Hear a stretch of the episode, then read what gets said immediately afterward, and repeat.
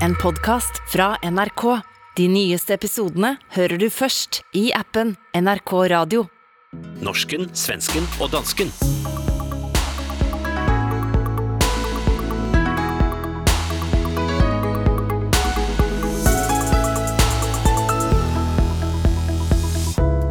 Har svensker egentlig humor? Hva er det som skjer på dansk eliteskole? Og kommer nordmenn fremdeles til å reise til Sverige for å handle godis? Velkommen til Norsken, Svensken og Dansken, denne ukentlige panskandinaviske familieterapien. Åsa Linderborg, Hassan Preisler og meg, Hilde Sandvik. Og helt absurd, vi har holdt på i to år. Vi har aldri møttes noen gang. Og nå sitter vi altså her i samme studio, og jeg blir litt målløs. Hassan, du har kommet til Oslo, Åsa har kommet til Oslo. Hvad skjer? Ja, Åsa og jeg mødte hinanden i lufthavnen her i Oslo, og så tog vi toget sammen ind til øh, centralstationen, hvor du samlede os op. Øh, Så det er jo, og det er jo, altså, det er jo virkelig vildt. Det er, jeg har længtes efter at møde jer.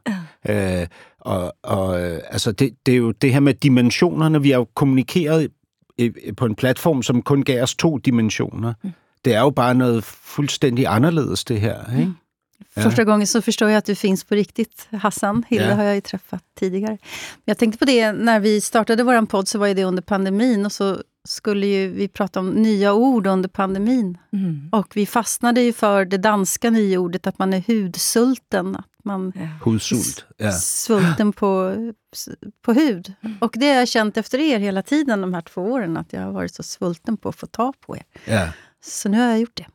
Men det er sjovt, vi, vi går rundt om hinanden, øh, lidt blufærdige, lidt generte, Mm, og, lidt så, og blyge, så ja. smiler vi meget, ikke? Sådan lidt, lidt, sådan lidt tosselykkelige. Litt tosset, ja. Ja, Ja, For, ja. eh, vi er her fordi vi har vært på en liten scene på NHOs årskonferanse og hatt en miniutgave av Norsken, Svensken og Dansken. En konferanse som er kanskje den norske elitens høyborg, eh, vårt ridderhus, hvis en skal sammenligne med noe. det är norska näringslivets ja, konferens. erhvervslivet. Ja. Det er erhvervslivet, men, men alle de andre elitene er der også, og vi var der og, og hadde en lit, et lite hjørne for oss selv, eh, og eh, det er en kombinasjon av å være nervøs, og så da dere sendte den filmen til meg av at jeg faktisk møtte, så fikk jeg en tåre i øynene, og så blir jeg ordløs på en måte, fordi det, jeg kjente jo også en eller annen form for eh, skjerm med den skjer, altså med skjermen så var det også en skjerming. Altså det å Nå, sitte ja. så tett på, det Et gjør det forsvar. nesten. Et, nesten. Ja. Ja. nesten et forsvar. ja, Ja. helt klart. Det er der jo også i den skærm. ja. Absolut. Visst.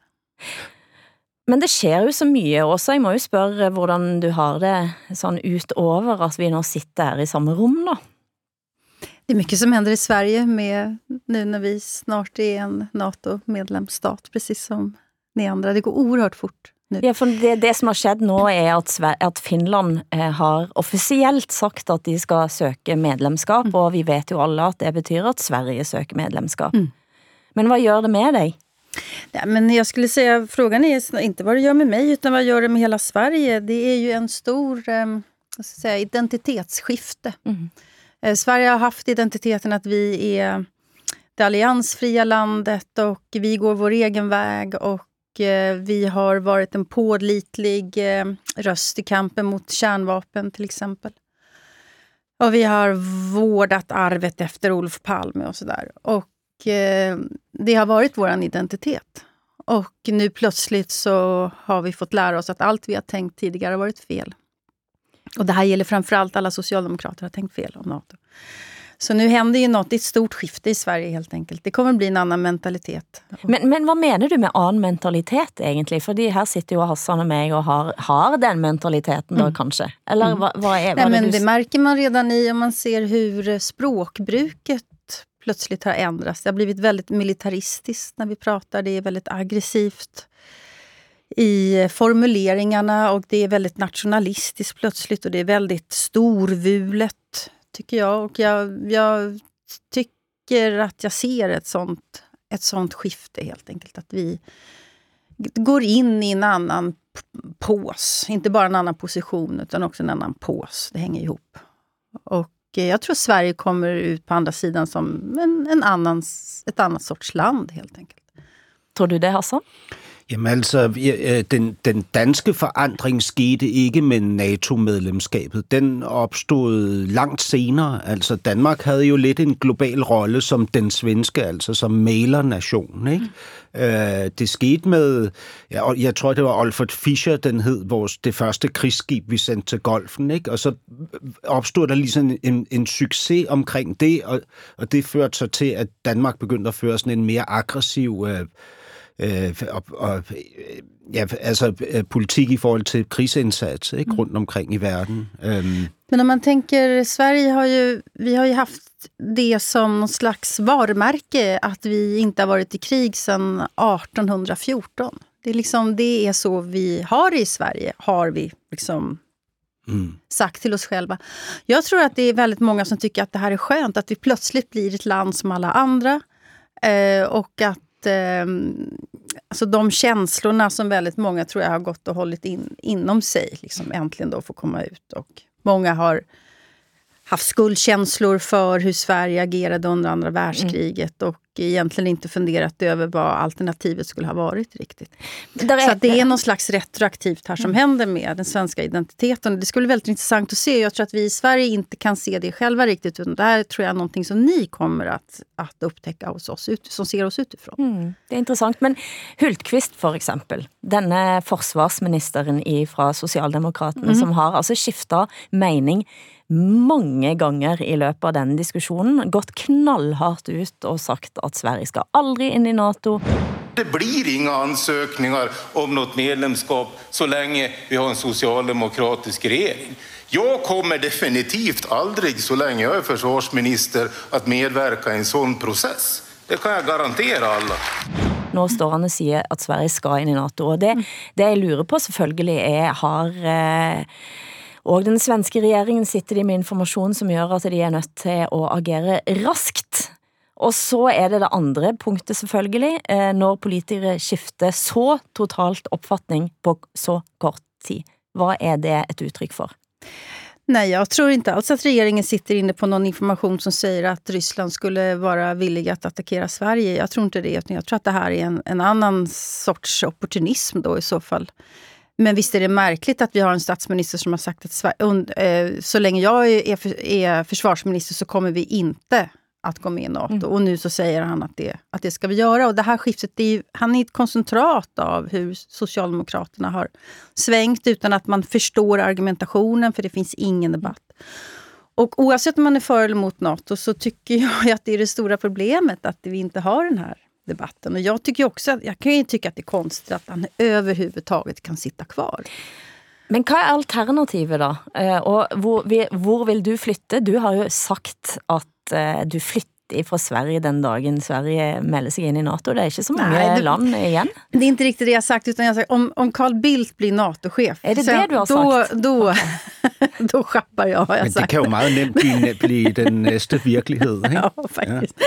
Nej, jag vet inte var jag skulle flytta. Men, men ähm, Alltså vad jag tror är alternativet, det är ju... Alltså de länder jag tycker väldigt mycket om är ju med i Nato.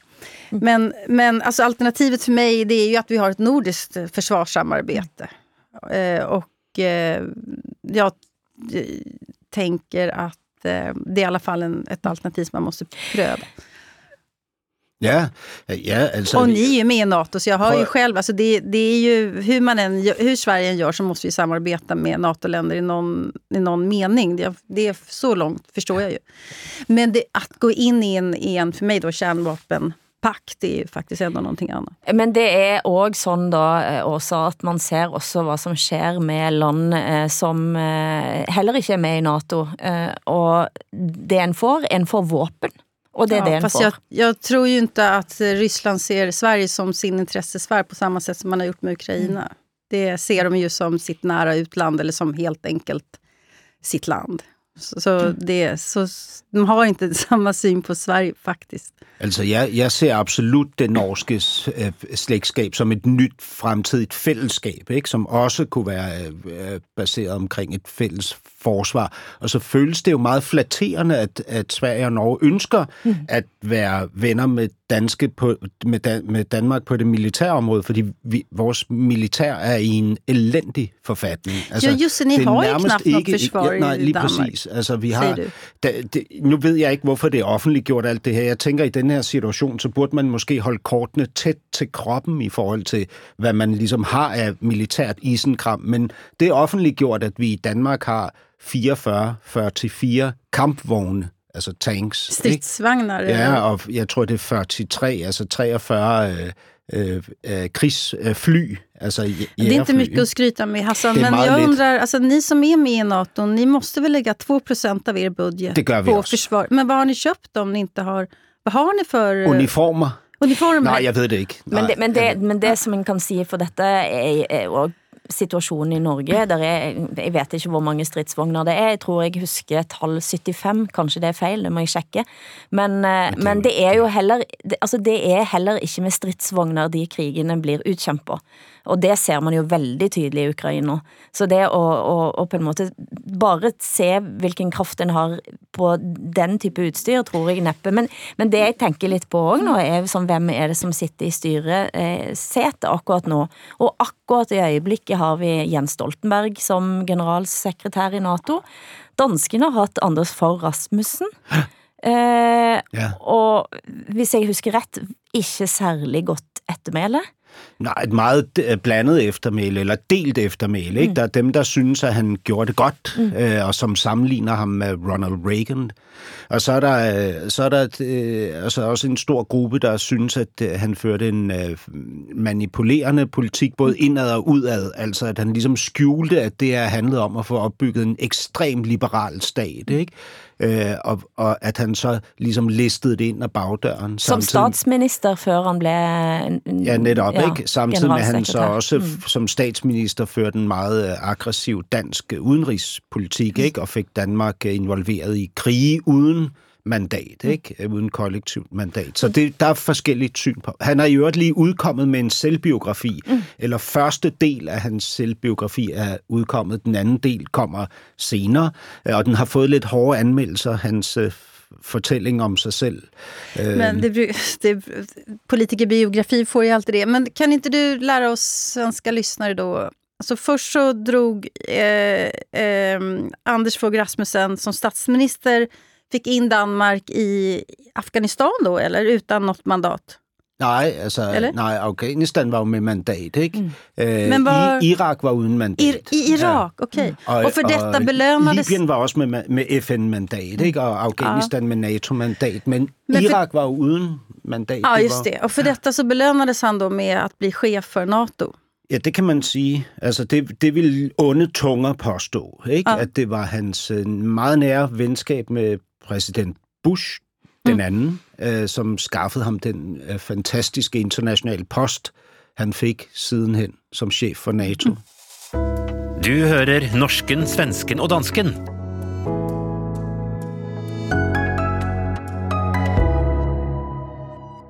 Natos generalsekretær nå, Stoltenberg, han eh, vet jeg ser på Borgen og sesong fire, som eh, har gått eh, på TV nå en stund, med Sitze Babette Knudsen, som spiller Birgit Nyborg for fjerde gang, og denne gangen i rollen som utenriksminister, ikke statsminister lenger.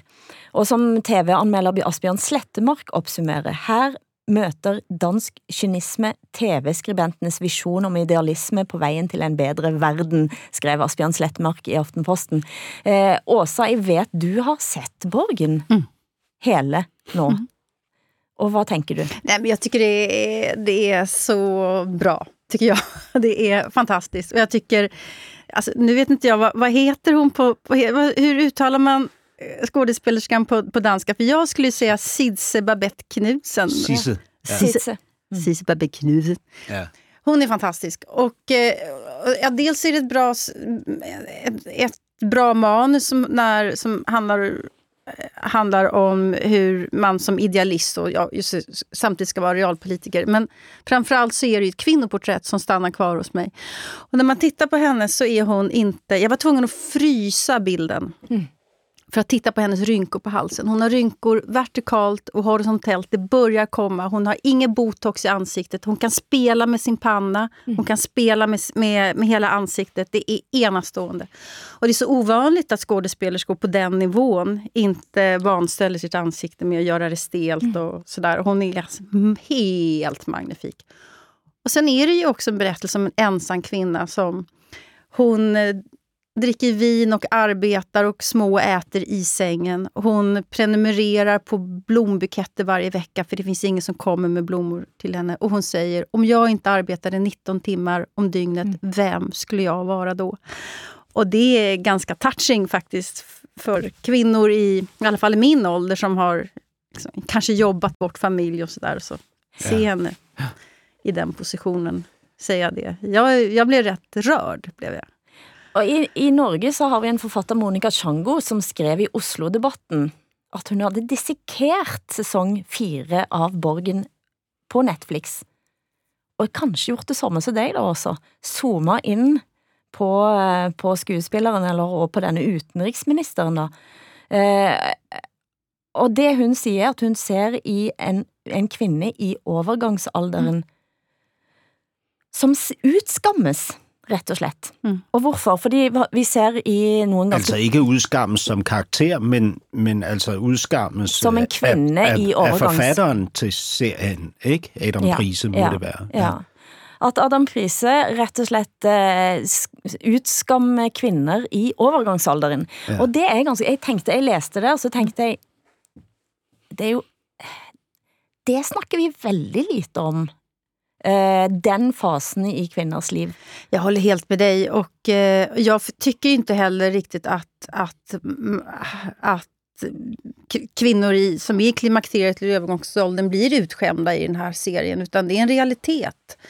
Att man blir trött, att alltså man får ju massa olika symptom helt enkelt. Irriterad. Eh, nu har ju hon väldigt tydliga, det är liksom övertydligt nästan, då hon svettas väldigt mycket och sådär. Det här är någonting som alla kvinnor mellan 45 och 55 år vet någonting om. Och det skildras nästan, nästan aldrig på film. Så jag säger tack Danmark som tar upp den här eh, frågan faktiskt. Eh, och typiskt då så blir, det, så blir det kritik, för hur man än skildrar kvinnor så blir det alltid kritik mot hur man skildrar kvinnor. Ja. Men du har inte sett Borgen va? Nej, men jag tar bara kritiken till mig, för jag hader äh, Borgen-serien per automatik, uden at have set den. Jamen, det kan, det kan jag ju inte svara på. Alltså, jag, det, det är säkert för den är dansk och för... Ja. Äh, jag ser inget svenskt heller. Så att jag, nej, det är det. Nej. Alltså, det, det, det är riktigt svårt för mig att se de där äh, mainstream-serier, som är sådan nationalt populära, mm. ikke? Och, och som hela familjen Danmark sätter sig ner och ser söndag aften. Mm. Ikke? Samlingspunkt serierne. Ikke? Mm. Jeg synes, de er så svære at se. Jeg føler mig som et får, mens jeg ser dem. Ikke? Och så, Men tycker du om att se svenska och norska ja, tv-serier då? Ja, ja, helt klart. Ikke? Ja. Ja, så, så ja, då... ser jag Kärlek och anarki eller Exit, ikke? Mm. och älskar det. Alltså, tänker, ja, fuck, hvor er, de, øh, hvor er de progressive øh, på det kunstneriske felt ja. i vores nabonationer. Hvor er det modigt at tale om MeToo i Kärlek och mm. anarki. Ikke? Mm. Om, om, øh, hvad hedder det, økonomisk mm. magt, om magtmisbrug i Exit. Ikke? Det synes Överklassdekadans i Ja, ja, overklassdekadans mm. og så videre. Men det er rigtigt, det er jo øh, altså bemærkelsesværdigt, hvor mange historier, der kommer frem om Grønland lige nu. Og jeg kan huske, ja. da jeg nævnte for jer, at der måtte være en, øh, en tid, et tidsmæssigt sammenfald, som var øh, betinget af noget, så sagde I begge to borgen. Ja. Det er borgen, der gør, at historierne kommer frem. Mm. Ja, for og vi hvis har det er sandt, om, ikke, ja. så vil jeg gerne hylde borgen, fordi det er meget, meget vigtige historier, som kommer frem øh, om Grønland og Grønlands relation til Danmark. Og for de, som ikke da har sett borgen, så er det jo faktisk da sådan, at øh, det bliver opdaget olie på Grønland, eh, og hvad skal man gøre med den oljen? Skal man tjene masse penger? Er det grønlænderen, som skal utvinne oljen, eller skal man tænke på miljøet? nå siger jeg det veldig banalt. Mm. Eh, og vi har jo snakket så vidt om Grønland eh, i etter at jeg var på Færøyen og møtte noen fra Grønland som gjorde stærkt indtryk på mig. Og siden så har det altså kommet flere historier i danske medier, og du kan jo ta op et par av de fortællingene, historierne, som har kommet frem bare de sidste ukene og sådan? Jamen altså, jamen for eksempel at grønlandske piger blev presset til at få spi- spiral, uden at de gav samtykke mm. til det. Ikke? Det vil sige, man man øh, lavede jo en form for øh, sterilisering af grønlandske og piger. Når, når var, var det her? Ja. Jamen det her var i, i 60-tallet, altså i 60'erne mm. i, og i 70-tallet i 70'erne. Det er ikke længe. Ikke? Nej, det er nemlig ikke ret lang tid siden. Og det er ikke, det er ikke et tital af kvinder. Det er faktisk 4.500 grønlandske oh, kvinder, som fik opsat spiraler mm. i en storstilet familieplanlægningsindsats. Mm-hmm. Ikke? Og de var unge, nogle af dem, ikke? Det synes jeg er vildt. Altså, ja. hvad er det? Ja. Ikke? Og sådan nogle ting... Øhm, altså, vi, vi har en tendens, og jeg personligt også, har en tendens til at underkende, hvilket traume øh, grønlænderne er blevet påført. Ikke? Mm. Og der må jeg sige, det er vigtigt, at de her historier kommer frem. Ikke? Der er også alle de her adoptionshistorier, mm. hvor danskere ligesom altså privilegerede, rige danskere, der var udstationeret på Grønland, adopterede børn fra øh, bygder. Ikke? Øh, og forældrene afstod dem ligesom, øh, uden egentlig helt at forstå, hvad det var, der foregik. Ikke? Øh, I håbet om, at de her børn ville få et bedre øh, liv, med mm. altså et mere økonomisk velstillet liv, når de så kom til Danmark med de her danske forældre. Ikke? Mm. Men, men de her børn er jo vokset op ikke? Med, med komplet forvirrede fortællinger om deres egen øh, barndom og ungdom. Mm. Altså, hvorfor er de her? Mm. Ikke? Og hvem er deres egentlige forældre og så videre. Så, så meget irreel adoptionspolitik, eller et, et meget irreelt adoptionssystem. Ikke? Men jag måste fråga, 4500 grönländska unga eh, kvinnor då har blivit tvångssteriliserade genom att den danska staten har eh, genom familjeplanering satt in spiral i deras underliv. Det är väldigt många kvinnor. Eh, har det här kommit fram först nu? Har, jag, det är väldigt, väldigt, många som skulle kunna ha berättat om det här för länge sedan. Tänker jag. Ja. Vad, ja, hur alltså, är det möjligt att det här inte har varit en, ja, men vi, vi vet ju en fråga förrän nu? Och jamen, hur vet, har det avslöjats? Jamen, vi vet ju hvordan de der ting er. Hvis tiden er ret, ikke, ja. så, så er der ingen, der interesserer sig Nej. for det. Og jeg tror personligt heller ikke, jeg selv ville have bemærket det, hvis det var kommet frem for blot fem år siden. Mm. Men der sker noget i tiden nu, som gør, at der er en anden opmærksomhed omkring fortidens synder, som man selv har været involveret i at begå. Ikke? Og det, det er jo godt, selvom det er smertefuldt og hårdt og og hvad hedder det, kræver af en, at man øh, grænsker sig selv. Ikke? Øh, og det, det involverer jo også mig selv i den sammenhæng. Altså selvfølgelig gør det det. Men, samtidig, Men det, og, og så vil jeg bare lige sige, det var ikke kun kvinder. Nej. Det var også piger, mm. for de var ned til 13 år. Mm. Oj, oj, oj, oj, oj, oj. Men Norge har også en lang historie med sterilisering. Eh, det blev åbnet op for eh, ny lov i 1934 som åbnet op for flere. Eh, det har vi i Sverige også. Ja. Så det var jo både 40, 50, 60-tallet, så, så var det noe man faktisk brugte. Det er ganske vildt at tænke på. Men jeg, det jeg sitter og tænker på er at vi må jo en gang rejse til Grønland og lage eh, program. Altså det tænker jeg blir mer og mer vigtig, rett og slett. Ja, det vil være super fedt. Ja. Altså, vi, jeg synes, vi skal tage til Grønland og lave en programserie. Ja, ja. Med, ny, med nye gæster hver dag. Ja. I flere uker har Ebba Busch, kristendemokraternes leder, fyldt ledersiden i Sverige op og ned i mente. Rasmus Paludan, den danske høyreekstremisten med koranbrenning som tvangstanke og metode, har satt sin stramme kurs mot Sverige, der han nå akter å stille til valg, etter at danskene begynte å trekke på skuldrene av honom. Som vi vet, gjorde ikke svenskene det da han kom dit, for rasende horder gikk løs på politiet, og Ebba Busch spurte hvorfor det inte var 100 skadede islamister, og hun mente också at politiet burde ha skutt med skarpt. Men denna uken fick saken en ny twist, och vad skedde också? Ja, det visade sig att eh, Radio Sweden, som är eh, på Sveriges Radio, har gjort grava felöversättningar. Så att istället för att eh, översätta varför sköt inte varför inte hundra skadade islamister, så har i översättning blivit hundra skadade muslimer. Mm. Och på somaliska har det till och med blivit en översättning att eh, varför dödade inte polisen många muslimer? Så det är väldigt väldigt grova felöversättningar och som naturligtvis har fått eh, betydelse då för hur, eh, hur den här saken ska uppfattas bland de som känner sig, sig utpekade som, Mm. som våldsverkare. Eh, men det ska också sägas att det har upptäckts nu att det har varit felöversättningar också när det gäller socialtjänsten och hur man... Eh, att det här påståendet att svenska socialtjänsten eh, berövar föräldrarna deras barn. Det som tidigare har varit stora demonstrationer mot i Sverige. Men hvad er Har, Radio också varit, en, Sweden? har Ja. också varit en felöversättning. Så att, For spørsmålet til Hassan er jo interessant. Hva er Radio Sweden? Og Radio Sweden, hvis jeg forstår det rett, så er det eh, en, den internasjonale radioen til Sveriges Radio.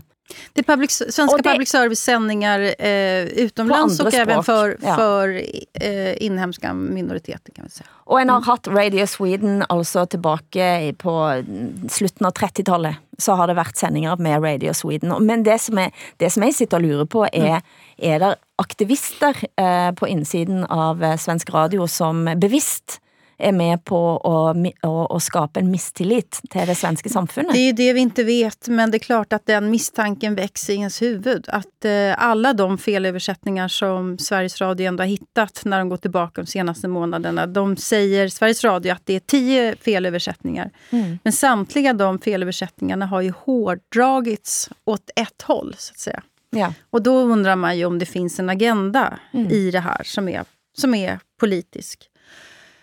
Så frågan är ju öppen och problemet är ju också att Sveriges Radio tidigare hade en stor sak som vi har pratat om här. En, en reporter som hade för nära kopplingar till... till eh, Islamist, rett og slett? ja.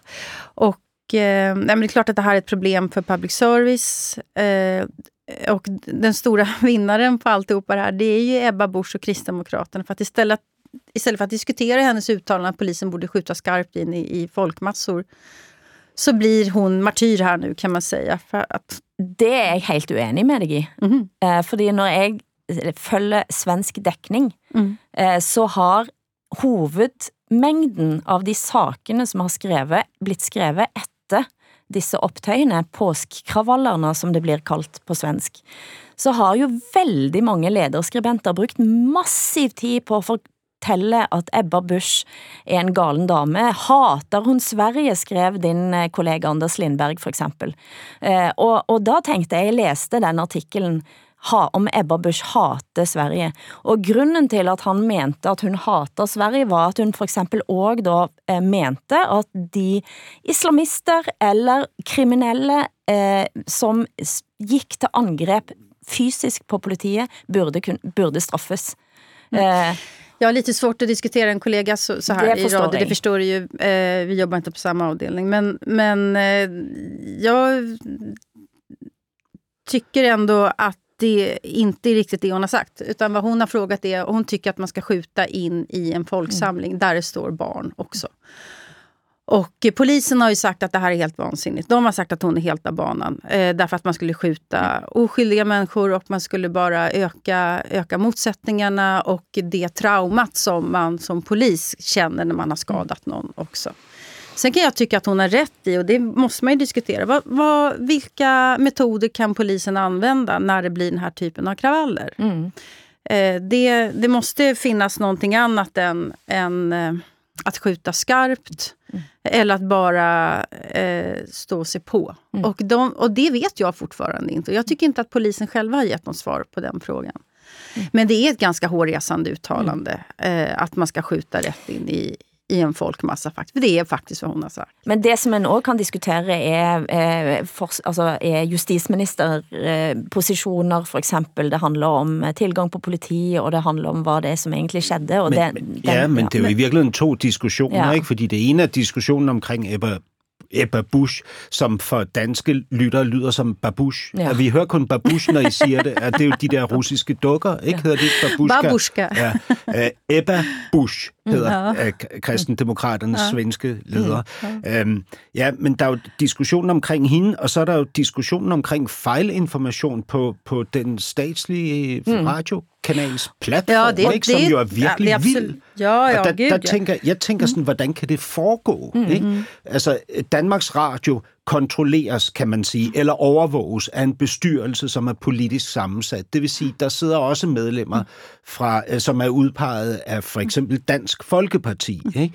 Og det medlem af Danmarks Radios bestyrelse vil jo med det samme spotte sådan en sag og holde de, øh, holde de ansvarlige op den. Men du har helt rätt i det Hassan och, och det är klart att det är problematiskt att den som är ansvarig utgivare för Radio Sweden själv inte behärskar de här språken. Det är klart att det, Ja. och det har blivit helt tydligt nu. Og en av de diskusjonene som har kommet opp i etterkant, for de har møtt kritikk, eh, Sveriges Radio og Swedish Radio, og så svarer de med at grunnen til at dette ble feloversetninger, var at det var for eh, mye jobb for få folk. Så de erstatter altså et problem med å si at vi skal bare ha flere folk. Da Ja. blir det bedre.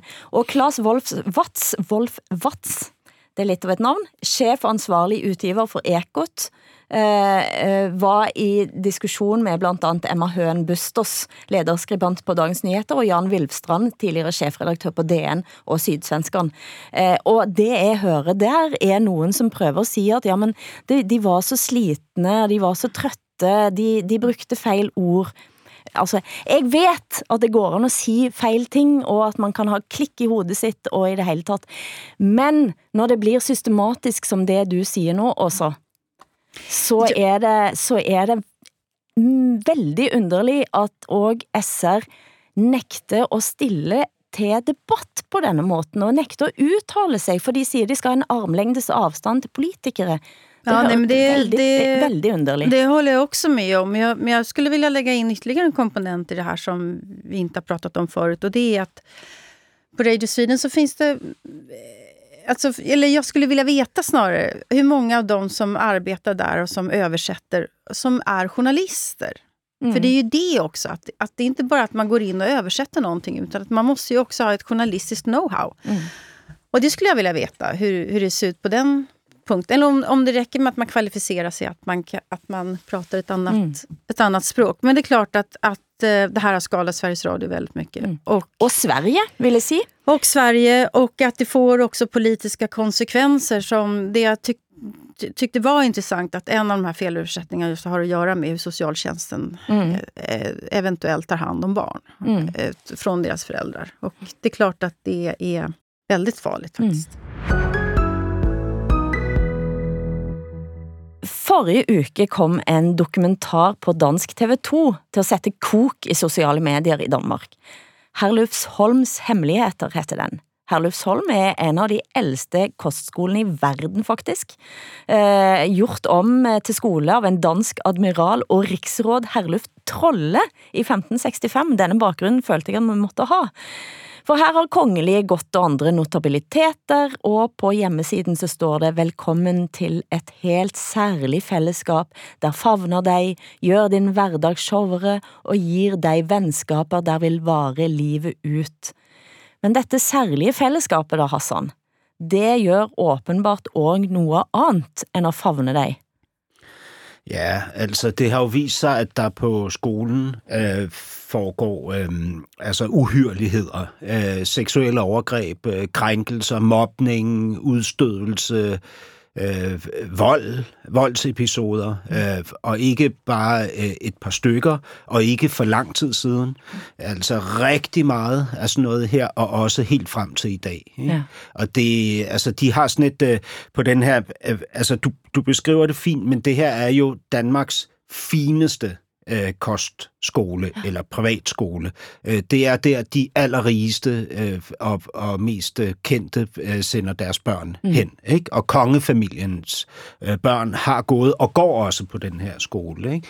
Så det er, det er en absolut øh, elite-skole. Mm. Øhm, men altså en eliteskole med et præfektsystem, som er ekstremt undertrykkende, og en, en, øh, et lærerkollegie og en ledelse, som har lukket øjnene som minimum, og måske endda promoveret det her, Men der er fortell, foregået, hva, ikke? hva har egentlig skjedd? Jamen, så laver øh, dokum, øh, TV2 den her dokumentar, som er Barske Løjer, øh, som af, af kritikerne er blevet kaldt et partsindlæg, ikke? Ja. Øh, hvor, øh, hvor de fremstiller øh, skolen som en, et, et sted, hvor, hvor eleverne gør de her mm. ting over for hinanden. Altså øh, øh, holder hinanden fast, stikker fingre op i, i numsen på hinanden, ikke? tæsker hinanden, sønder sammen, alle de steder, hvor det ikke kan ses, altså ikke i ansigtet, for eksempel på armen og på benene bliver man tæsket om natten, når man Tæsket, sover. altså slået. Ja, man får, man får bank, ikke? Altså øh, bliver udsat for vold.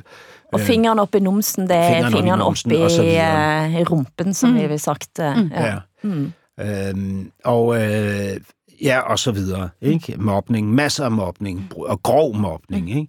Øhm, og, øh, og den her øh, dokumentar, den har jo vagt, øh, altså sat sindene i ko øh, i Danmark, fordi det er, altså det, det, man kan simpelthen ikke ignorere det, fordi det er så voldsomt, mm. det der foregår. Og det har så ført til, at der er opstået en ekstrem kritik omkring øh, Herlufsholm. Det, der jo er vildt, det er, altså, som vi også talte om før, ikke, øh, i relation til Grønland, det er, hvorfor sker det her lige nu? Mm-hmm. Fordi det, altså, at det kommer frem, og at mm. vi reagerer på det, fordi det kom også frem i 1985-85 mm. i en radioudsendelse, ja. hvor ingen reagerede på det. Ikke? Og vi har hørt de her ud, vidneudsagn mm. gennem årtier nu, mm. uden ligesom at tage det til os, men nu reagerer mm. vi altså. Ikke? Men det kanske är då att man ska tacka den här, som vi annars klagar så mycket på, den här kränkelsekulturen. Den kan ju faktiskt föra någonting gott med sig. Att man, att man står på sig och hävdar sin, hävdar sin rätt. Vi har ju haft samma problem i Sverige med den, alltså crème de la crème av, av elitskolor i Sverige, Lundsberg, som ligger i Värmland.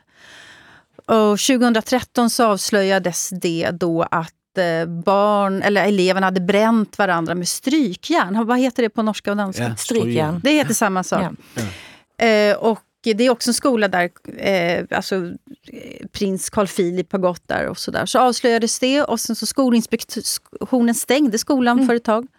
Eh, men den, sen öppnades den igen och sen så har det visat sig att det är problem. Och att de också, inte bara det att skolledningen har blundat för saker utan att Alltså, de har också, skolledningen har också blivit väldigt illa behandlad av eleverna. Alltså eleverna har visat rumpan till rekt, mot rektorn, har liksom betett sig väldigt illa mot även de högsta cheferna där på den skolan. Det är också intressant. Här ser man, här fostras den nya eliten. Det kostar 2000, eh, 285 000 kronor om året att gå på en sån skola. Och då kanske man tycker att man äger hela världen. Eh, och att all, Ja, og hvis dine forældre så ud over det øh, via fondene finansierer skolens eksistens, Ja. ikke, så skal der jo ret meget til, at din rektor vil stille sig op over for dig og sige, hey, nu opfører du dig ordentligt. ikke? Exakt, så det är penalism åt alla håll. Både elever mot varandra, men, men elever också mot eh, personal. Så det, Det er interessant, fordi når dere sitter og snakker nå, så tenker jeg, vi har ingen sånn skole i Norge. Va? Eh, og, og jeg, jag måtte- trodde ni hade jättemånga elitskolor i Norge. Nei, vi har jo ikke det. Eh, altså, tenker jeg, er det noe jeg har ikke kommet på? Vi har ikke det. Eh, og, og selv kongebarn har jo, går jo på, på De gikk på kristelig gymnasium eh, nede i byen her sammen med alle andre som kan søke seg inn på vanlige vilkår. Eh, vi har ingen den type kostskoler, men jeg, jeg vet at det er folk som sender, de til, altså sender barna til England, liksom. Eh, Eller men vi har- Schweiz, vi- det eller- er også et godt ja, sted at sende sine børn Eh, hen, men- ikke, for men at blive det- disciplineret. Ja, men det er ikke så veldig mange som, som gjør det, faktisk. Nej. Eh, Ok. Og det er vel kanskje noe med det at vi har hverken adel eller den typen liksom elite. Vi har liksom den type elite som henger rundt på NHOs årskonferanse. Ja, ikke, der er noen der, jeg vet om noen som har sendt barn eh, bort, Ja. men, eh, men det, det Men fascinerende. det är intressant. Men, men alltså de här eh, problemen på de här privatskolorna har vi också känt till i Sverige i omgångar. Alltså det var ju därför Jan Guillou bestämde sig för att han skulle bli först jurist och sen journalist. För att han skulle avslöja den privatskola som han själv hade gått på. Att han skulle få den nedlagd helt enkelt på grund av den penalism som var när han gick där eh, på 60-talet. eller- Ja, og det, er 50-talet. virkelig interessant i relation til Herlufsholm, det er, at i 90'erne, i 90-tallet, der var den her skole ikke i stand til at tiltrække de øh, børn af, af, af ressourcestærke forældre, de gerne ville have. Og så lavede de ligesom en transformation på Herlufsholm, så den igen blev attraktiv for kongefamilien og for, for de rigeste mennesker øh, i forhold til deres børn. Og det gjorde de med en ny rektor, som som det første han gjorde, omdelte bogen Ondskab netop af Jan Guillou ja. til samtlige lærere på skolen. Ah. ikke? Jaha. For at vise dem, sådan må det ikke være på Herlufsholm. Ikke? Okay. De må jo have misforstået det De projektet. tok det som en tænkt, De lærebok. läste inte boken.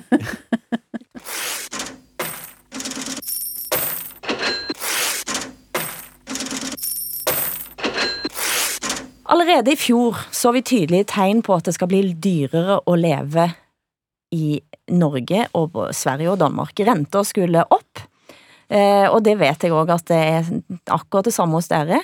Byggevareprisene økte kraftig, og selvsagt strømprisene skjøt i været. Og nå, etter tre måneder med krig i Ukraina, har det ikke akkurat blitt lettere. Drivstoff har nesten dobla seg i pris, og matvarer, flyreiser og mange andre varegrupper følger etter. Dette merkes också i Sverige också. Alltså jag skulle köpa kaffe här om dagen. Då, eh, 30% dyrare har kaffet blivit. Ja. Jag funderar mycket, vad är det jag kan tänka mig av? Så jag tror att vi är på väg in i någon form av krigsekonomi. Mm.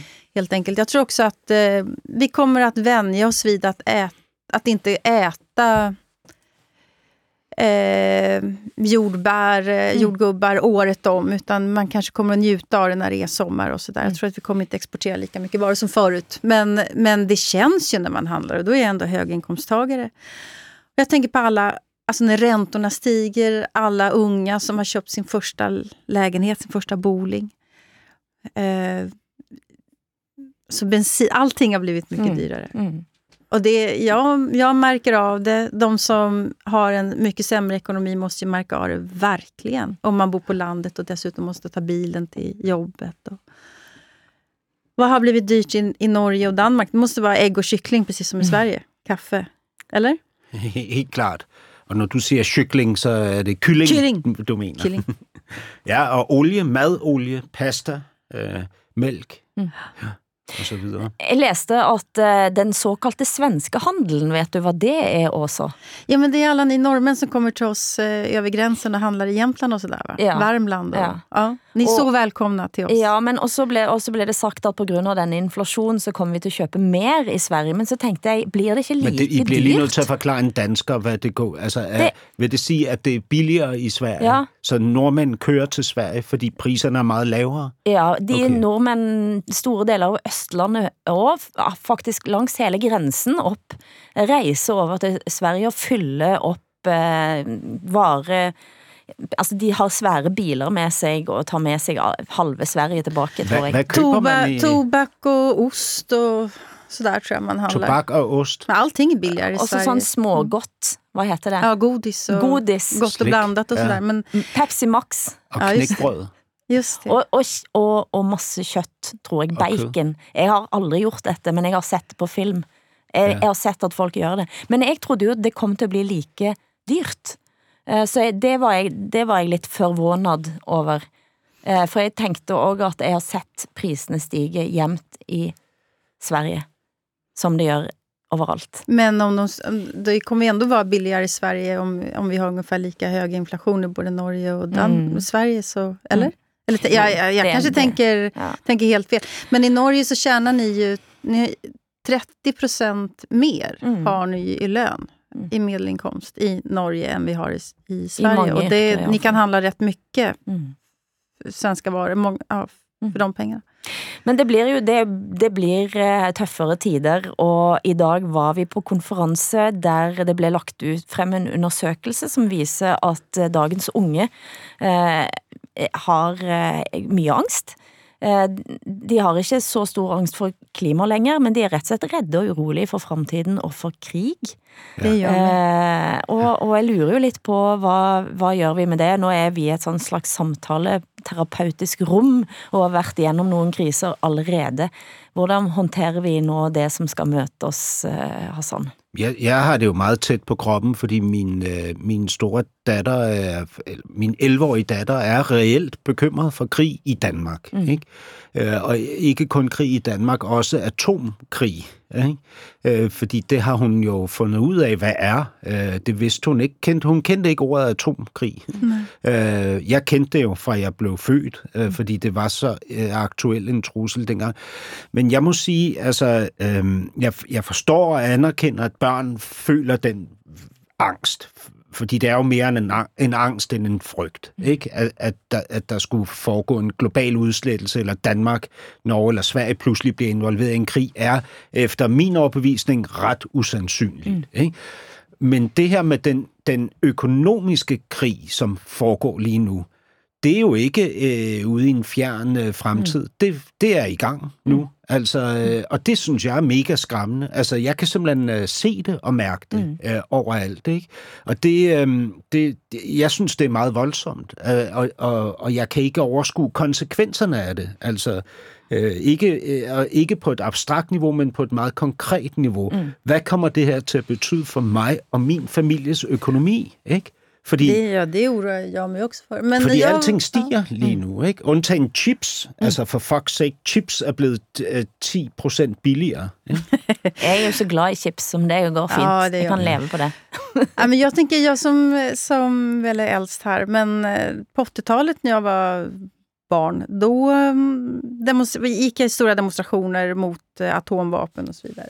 Och jag var ändå inte rädd då för atomvapen. Utan det var bara något jag gjorde för jag tycker själva principen är fel. Idag är jag rädd för mm. kärnvapen på ett sätt som jag aldrig varit förut. Mm. Är du det? Jag är det för att jag tycker världen är så fullständigt irrationell och jag litar inte på någon längre. Och då har jag upptäckt hos mig själv att jag har fått tagit fram en slags som jag tror marxister skulle säga småborgerlig sida, nämligen att jag tänker på den lilla världen. Alltså om ni kommer ihåg sluts, en av slutscenerna i Fanny och Alexander. Mm. Mm. Därför är det nödvändigt och inte det minsta skamligt att glädja sig åt den lilla världen.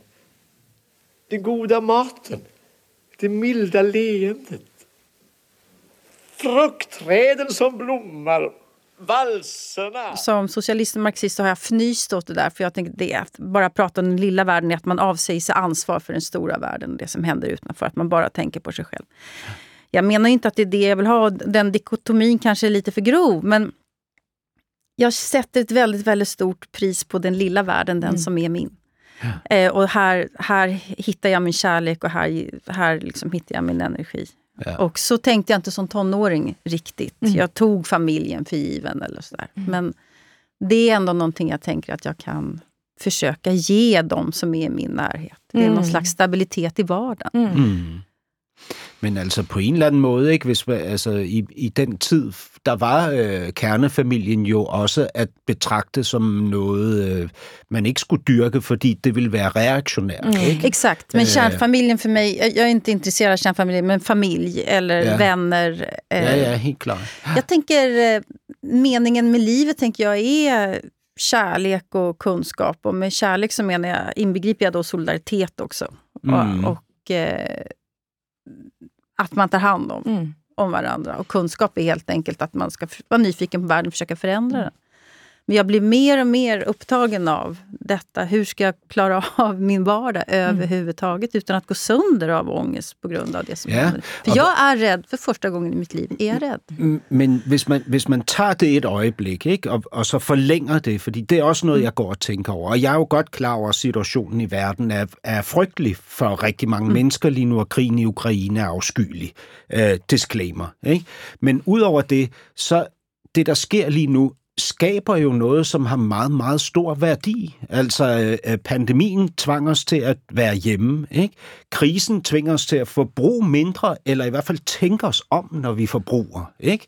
Øh, Øh, jeg, jeg mener, altså alt det, vi ligesom har syntes, vi burde gøre som individer, altså for, for at sikre, at verden ikke går under, bliver vi nu tvunget til af ydre omstændigheder, ikke? som faktisk ikke har noget med klima at gøre. Mm. Altså krig, pandemi. Ikke? Og det er jo, det er jo øh, jamen, hvordan kan man egentlig betragte det som andet end fantastisk, mm. ikke? selvom det står i skyggen af, af store tragedier. Ikke? I alle fall så tænker jeg at det at hegne om, som det heter på norsk, hegne om eller omfavne alle de øjeblikkene der man ser på menneskeheten og tænker, jeg ser, jeg ser noe som er godt. Eh, og jeg må bare citere Margaret Atwood, som, ble, eh, som fikk en pris nå nylig. Christopher Eh, Hitchens-prisen. Christopher Hitchens pris, Som jeg er kæmpe fan prisen, af. prisen. Ja, jag också. Ja, og, og hun skrev en fantastisk tekst i The Atlantic, som er talen hennes. Og siste setning tenkte jeg, det skal jeg, henge, det skal jeg brodere. Jeg broderer selvfølgelig ikke. Noen må brodere dette til meg. Og Det jeg kan at göra, du Hilde, kan för jag brodere. älskar att brodera. Kan du Da- brodere, Åsa? Jag tycker det är... Da kan du brodere dette. Flott. Don't panic. Think carefully. Write clearly. Act in good faith. Repeat. Ja. Det synes jeg var fint. Var- Ja, og så vil jeg, jeg vil, øh, hvad hedder det, tilføje, stay at home. Nej! Jamen prøv at høre, vi, be, vi, nej, behøver, ikke- nej, jo, nej. vi behøver ikke at tage til nej. Goa for at udvikle os. Udviklingen, den er lige derinde i børneværelset. Nej, nej, det er han hvad hedder ikke. det, Jeg får panikk. Jeg får panikk hvis jeg skal bare stay at home. Nej, det är inte min grej. Jeg må møte folk.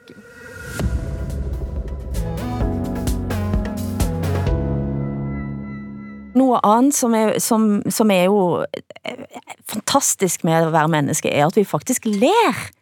Vi har humor, i alle fall noen av oss. Eh, eh, har humor. Jeg leste i den samme talen til Margaret At Atwood, så begynner hun med å, å si at dette var like absurd for henne som at hun skulle fått en svensk komipris. Underforstått, det finns ikke. Nej, jag, då skrattade jag högt kan jag säga. Det var... Men, men hva med den danske? Ja. Ja, altså, Hur kul är ni i Danmark egentligen då? Da, den danske humor er jo verdens bedste humor, det er der slet ikke nogen tvivl om, men, men altså, der, der er jo faktisk nogen, der har skrevet en bog, uh, Danish Humor, uh, som handler om dansk humor, og i den, der... Det måste vara kort. det er et, øh, 12, det er 12, et værk i 12 bind. Ja. Øhm, men men der, der adresserer de ligesom det meget bramfri i den danske humor, altså den, at det, at man sådan upassende taler om sex og politik og religion mm. og penge, og, mm. øh, og, og også joker om de her ting, ikke? og man har så højt niveau af ironi mm. og sarkasme, mm. som øh, kolliderer med, med mange andre menneskers forståelse af, hvad god, god opførsel er. Ikke? Og der må jeg jo sige, når jeg nu læser rapportagen om den her bog, så forstår jeg lige pludselig, hvorfor så mange mennesker gennem årene har kigget så mærkeligt på mig, mm. øh, når jeg har rejst eller øh, noget. Ikke? Men, men det er også virkelig interessant, fordi norsk humor bliver beskrevet som øh, tør. Øh, øh, den øh, fokuserer meget på ordspil og det absurde. Mm. Ikke? Det, er, det er ligesom det, man... Og, og så skriver de ligesom de her internationale analytikere om den norske humor, siger, at det er øh, for, such, øh, for sådan et lille land, er der et, øh, et, et, meget, et meget, meget stort antal komikere mm. i Norge. Øh, og det er ikke kun mænd, som det primært er i Danmark, og åbenbart også de fleste. Der er mange norske kvindelige komer, komikere, altså helt vildt mange norske kvindelige komikere. Øhm, men så er der også en bagside til den her medalje, øh, og det er, at nordmænd forstår ikke forskellen på ironi og selvironi. De tror selv, at de er selvironiske, men de er faktisk ikke i stand til at være selvironiske. De er kun ironiske. Men svensk humor, det Svensk fanns ju humor. inte, men beskrivs den som i- icke-existerande? Jo, jo, der er 10 trin i, i, hvad man ligesom kan sige er noget, der gør en uh, svensker glad for ham Ja. til at skratte. Ja. Ikke? Vad skrattar Øh, svenskar Jamen, nu tager jeg bare de tre første. Ja. Øh, det, det første, det er, øh, hvis man kan sige noget sjovt om nordmændene, Ja, det så er man glad. Norge-historia, ja det Ja. skrattar. Ja. Øh, og, så, og så, hvis man kan omfavne det, at man er kedelig, tråkig, Ja. ikke? Øh, det er også noget, svenskerne griner af i Vi, humoren. vi skrattar åt det tråkiga. Anders Tegnell, ja, for eksempel. Ja, Ja. ikke? Ja. Vi gör oss lustiga över tråkigt. Ja, det, precis. Mm. det, det tråkige i jer selv. Just ikke? det, ja. Altså for eksempel, øh, hvordan får man 100 svensker op af en swimmingpool hurtigst muligt?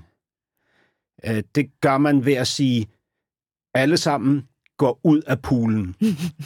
Ja, men det ju Fordi så gør ja. svenskerne Det morsomt. Jo, Ja, ja, ja. ja, ja. og, og så, øhm, og så, øhm, og så det, man også griner meget af i forhold til svensker, det er øh, bekymringen for, at der bliver grint af en selv. Mm, Fordi svensker er meget, meget bange for at blive grint af. Mhm. Øhm, Vi klar, vi, i, I Sverige är vi rädda för att bli skrattade åt, ja. Mm. Ja. ja. Är, är ni inte det i Norge och Danmark? Nej. Vi, vi Nej, det är var mer, denne eh, selvironien, eller ironien, som, som Ja, gjør nej, at men det eh, ligger nog någonting i det, tror jag också. Ja. Ja. Altså, en, øh, en tysker, en franskmand og en svensker er i Afrika, og, og de ser en elefant.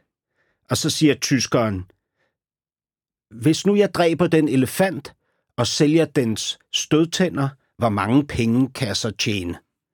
Øh, franskmanden siger, hvilket smukt dyr. Hvor er det fantastisk. Ikke? Og svenskeren siger, uh, hvad må den elefant synes om mig?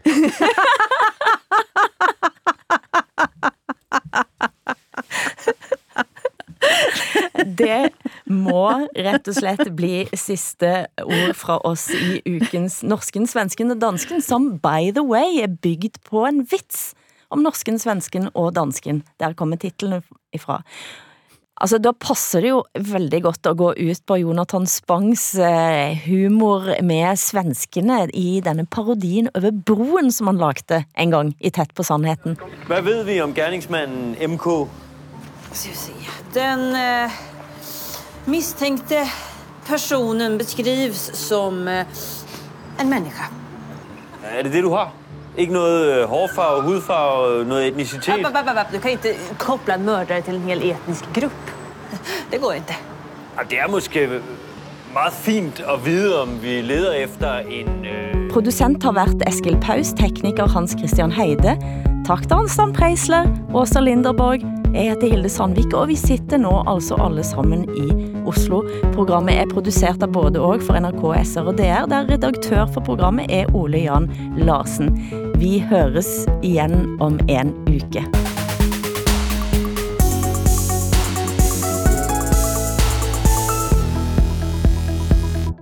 Du har hørt en podcast fra NRK. De nyeste episodene hører du først i appen NRK Radio.